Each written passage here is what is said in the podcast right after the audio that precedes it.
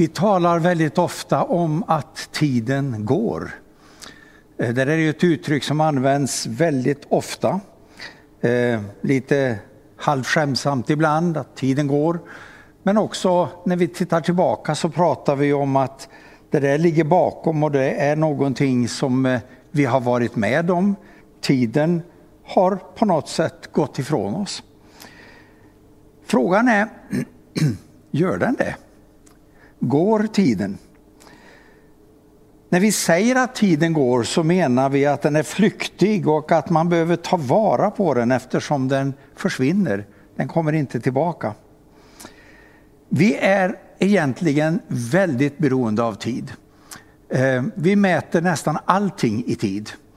Eh, när vi ska se en, en, en process eller vi ska se någonting som förändras eller något som påverkat så mäter vi det i tid. Vi mäter det i år, i månader, i veckor, i dagar, timmar, minuter, ja till och med i sekunder så ska vi ibland mäta tid.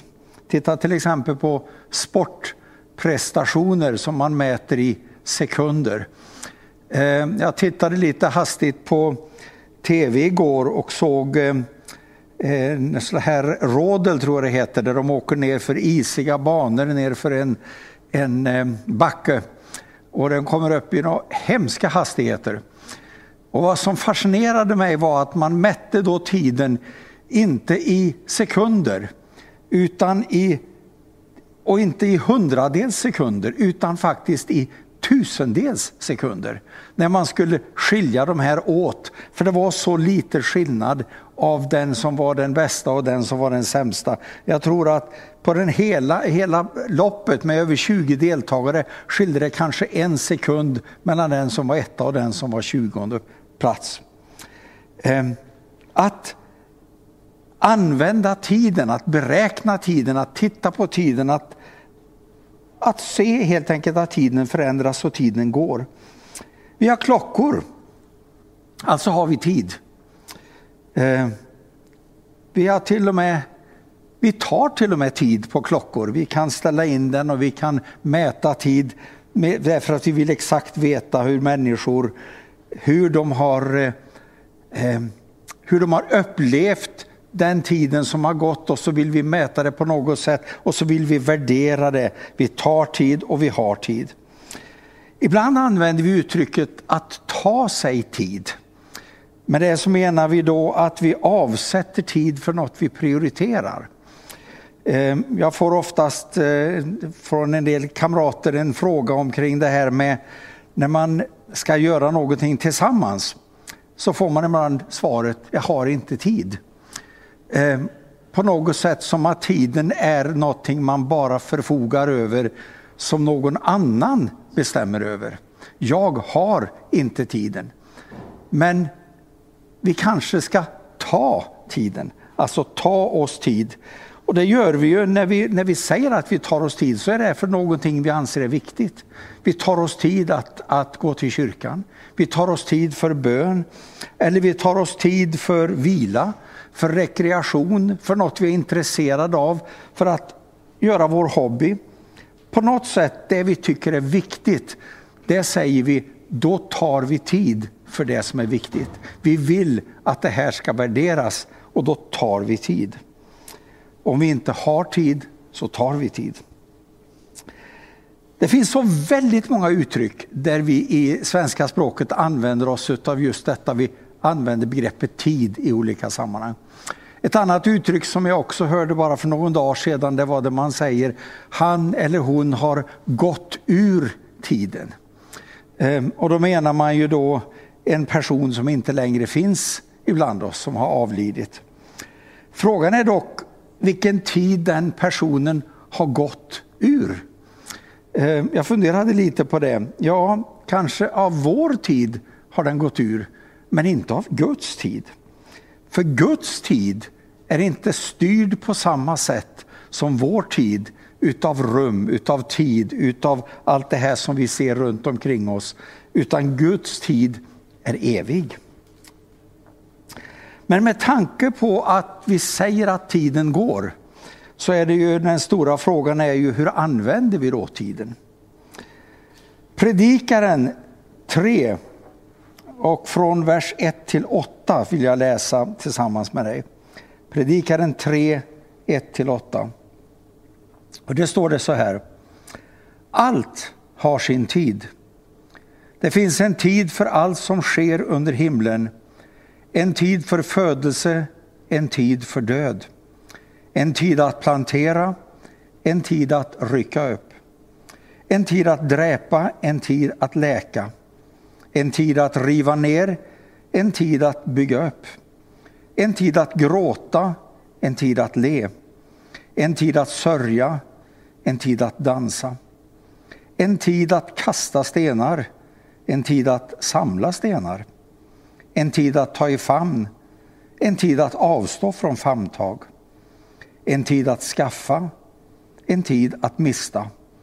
En tid att spara, en tid att kasta. En tid att riva sönder, en tid att sy ihop. En tid att tiga, en tid att tala. En tid att älska, en tid att hata, en tid för krig, en tid för fred. Det är ganska fascinerande den här uppräkningen som eh, författaren gör i Predikaren och skriver ner om just att allting har sin tid. Allting äger sin tid och det finns en tid för allt som sker under himlen. Eh, I den eh, elfte versen som kommer lite nedanför så står det att allt vad Gud har gjort är skönt i rätta stunden. Han låter människor urskilja ett sammanhang men aldrig kan de fatta Guds verk från början till slut. Och jag tänkte att om man inte kan fatta Guds verk från början till slut så kanske vi heller inte kan fatta tid och Guds tid från början till slut. Under några år så levde jag i Afrika. Eh, arbetade där med min familj och vi arbetade i ett land som heter Sierra Leone. Eh, när vi pratade om tider så var det oftast en anledning till ett visst bekymmer. Eh, om man bestämmer en tid, vi ska börja klockan tio, så var det inte så att särskilt många var där klockan tio. Av den enkla anledningen att de hade inga klockor. Deras tidsuppfattning var annorlunda än vår och de styrde sin tidsuppfattning av något annat. Ja, men hur skulle man göra då när man gick till kyrkan? Jo, man hade någon, eh, det var ganska roligt i vår kyrka, vi hade inget riktigt klocktorn. Men någon hade tagit en gammal använd gasklocka och sågat ur botten ur den och det blev en viss resonans. Och så hade man tror jag en vevstake från en bil och så slog man på den där gasklockan, den här tuben. Och det blev ju ett förskräckligt väsen. Och det där gjorde man tre gånger. Första gången då var det dags att förbereda sig. Andra gången, nu är det lite kort tid kvar. Och tredje gången, nu börjar vi. Och det var då man började, märkte hur folk tog sig Eh, till kyrkan för att vara med på gudstjänsten. Men just det här tidsbegreppet var så annorlunda mot vårt tidsbegrepp. Vi är så inrutade i våra minuter och våra timmar, det ska komma då, vi ska börja då. Medan man levde i en annan tid där man på något sätt tog dagen som den kom. Och just det uttrycket var faktiskt någonting man använde om tid. När vi pratar om att tiden går så använder de uttrycket tiden kommer. Eh, och för mig blev det jätteintressant. Vad menar du med att tiden kommer? Ja, men det som ligger bakom, det finns ju inte längre. Men det som ligger framför, det kommer ju mot mig. Jag möter det. Alltså möter jag tiden. Så tiden är inte något som går, utan tiden är något som kommer. Den kommer till mig, den möter mig och den är någonting som jag kan använda på ett eller annat sätt. Ibland när vi frågar människor om något och så får vi svaret, jag nämnde ju det tidigare, jag har inte tid. Det är precis som att man inte förfogar över tiden. Som att inte jag äger tiden. Men visst äger vi tiden. Tiden är som allt annat inte minst i våra liv, en gåva av Gud. Han har gett oss tid. Precis som vi läste i predikaren, det finns en tid för allt som sker under himlen. Och det vi läser om i predikaren, om att allt har sin tid och det finns en tid för allt som sker under himlen, är också en gåva. Tiden är en gåva. En möjlighet, någonting som möter oss, någonting som kommer oss till del, någonting som vi har att förvalta. När man tittar på tiden och funderar över tiden så får åtminstone jag den frågan, vad gör jag då med tiden? Hur använder jag tiden? Efesierbrevet 5 och vers 16 säger, ta väl vara på den tid som är kvar, till dagarna är onda. Vi möter svårigheter, vi möter en värld som inte förstår och vi ser i väldigt stor utsträckning en värld som i många avseenden är ond. Men Bibeln säger alltså att vi ska ta tillvara på tiden som är kvar. Vi har ett förvaltarskap, ett förvaltaransvar. Jesus talar om tid. Johannes 7 och 6, när de talar om att han ska göra olika saker, så säger Jesus, min tid är ännu inte inne. Men för er är det alltid rätt tid. Eh, och jag hoppade till när jag läste det där och läste det ytterligare en gång. För er är det alltid rätt tid. Eh, och då är den naturliga frågan, rätt tid för vad? Ja, det finns väldigt mycket som vi, vi kan göra. Tid till bön till exempel. Eh, Jesus säger i Johannes 4.23, men den tid kommer Ja, den är redan här då alla sanna gudstillbedjare ska tillbe Fadern i ande och sanning. Och när jag läste det där så tänkte jag precis på det jag precis berättat om Afrika, samma uttryck, den tid kommer. Tiden kommer till dig då du kan tillbe i ande och sanning. Att ta tid till bön är viktigt. Vi har precis avslutat ett år och vi har påbörjat ett nytt. Året bakom har varit ett väldigt märkligt år. Märkligt på så många sätt på grund av det som vi upplever var det spridningen av coronaviruset och sjukdomen covid-19 som har brutit ut för så många människor. Det har påverkat hela vårt jordklot, hela mänskligheten.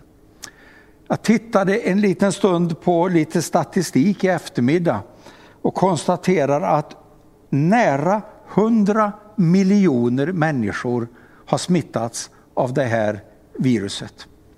Och över 2 miljoner människor har dött i viruset. I någonting som man hörde talas om för eh, 10-11 månader sedan att det hade brutit ut något i Kina och så tänkte man inte så mycket om det. Och idag så har hela vår samtid, hela vårt land, hela vår värld har på något sätt fått ta konsekvenser av ett utbrott av sjukdom. Att vi står och spelar in gudstjänsterna så här är ett resultat av just spridningen av coronaviruset och den här sjukdomen. Samhällen och länder har stängts ner. Det är restriktioner, det är begränsningar, det är miljontals av tester och prover som har genomförts. Inget har egentligen varit som det borde vara eller som det brukar vara. Utöver sjukdomen så har väldigt många människor drabbats av ensamhet, isolering, depression i många fall. Vi både ber och hoppas att det här snart ska vara bakom oss. Tiden går och tiden kommer. Men tiden är också nu. Tiden är här. Vi lever i nutid. Vi lever i nuet. Nu kan vi påverka, nu kan vi göra någonting, nu kan vi förändra eller fatta beslut om förändring som påverkar inte bara vår nutid utan också vår framtid. Det är du som bestämmer och beslutar över ditt liv. Det förflutna är för alltid bakom. Det enda sätt som det förflutna egentligen ska påverka dig och mig, för vi säger ju att vi ska inte bry oss om det som är bakom. Men det kan faktiskt vara en hjälp för oss. Men det är genom att dra erfarenheter från det vi har mött, dra lärdom av det vi har mött. Och kanske faktiskt, även om det är svårt, jag vet, lära sig att inte göra om samma misstag igen. Tänk vad många gånger vi upprepar samma misstag trots att vi borde ha lärt oss och borde kunna. Filipperbrevet 3 och 16 säger Låt oss fortsätta på den väg som fört oss hit. Att vandra vidare, att gå vidare är ett sätt att använda vår tid på ett bra sätt när vi går framåt. Vilken väg har fört oss hit? Jo, vägen i vandring tillsammans med vår far, med Gud själv. Paulus han säger till sin medarbetare Timoteus, förkunna ordet, träd upp i tid och otid. Att alltid vara beredd att tjäna med det uppdrag man har fått. En ny tid kan också bli ett nytt uppdrag eller ett förnyat uppdrag. Vi talar väldigt ofta om nyårslöften när vi börjar ett nytt år. Det kan vara allt ifrån att man ska gå ner i vikt till att man ska bygga muskler, till att man ska springa bättre, till att man ska, ja ni vet alla de här föresatserna som vi börjar på när vi börjar ett nytt år. Nu det här året ska det bli annorlunda. Nu ska jag göra på det här sättet. Nu ska jag lägga den här föresatsen och så försöker vi. Och ibland, ganska många gånger så går det några veckor, några månader och så har det här inte riktigt blivit vad vi tänkte. Men det finns olika typer av löften vi kan ge. Och då tänker jag inte bara löften utifrån ett nytt år, men jag tänker löften utifrån en ny tid. Många församlingar har ju börjat det här året med bön och fasta.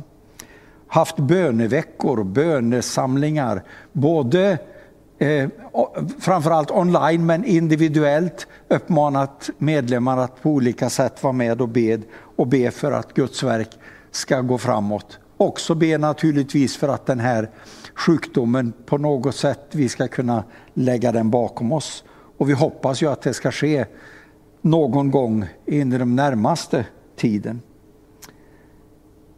Blir det här året då du beslutar dig för att känna Herren på ett nytt sätt?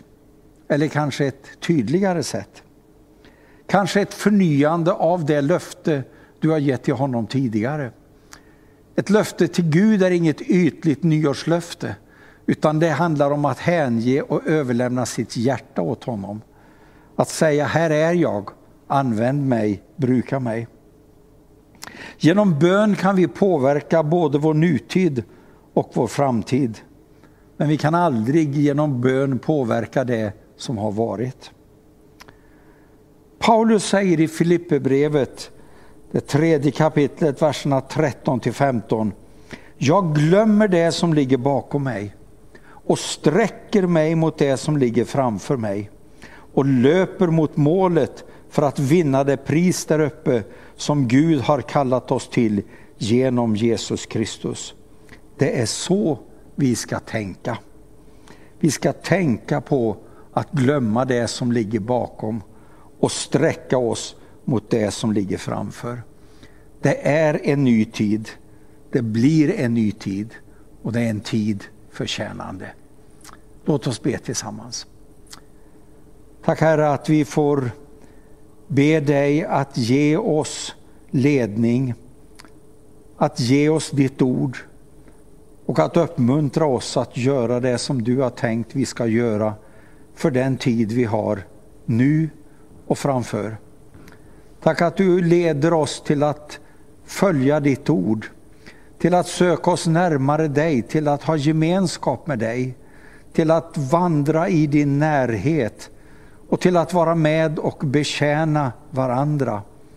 Herre, du har kallat oss till tjänst, varenda en av oss, i olika sammanhang, i olika uppgifter, med olika gåvor, men alla har du kallat oss till att tjäna. Ge oss kraft, Ge oss mod och ge oss förstånd att ta oss den tid som du ger oss för att använda den på bästa möjliga sätt, ditt namn till ära. Vi ber om det i Jesu namn. Amen.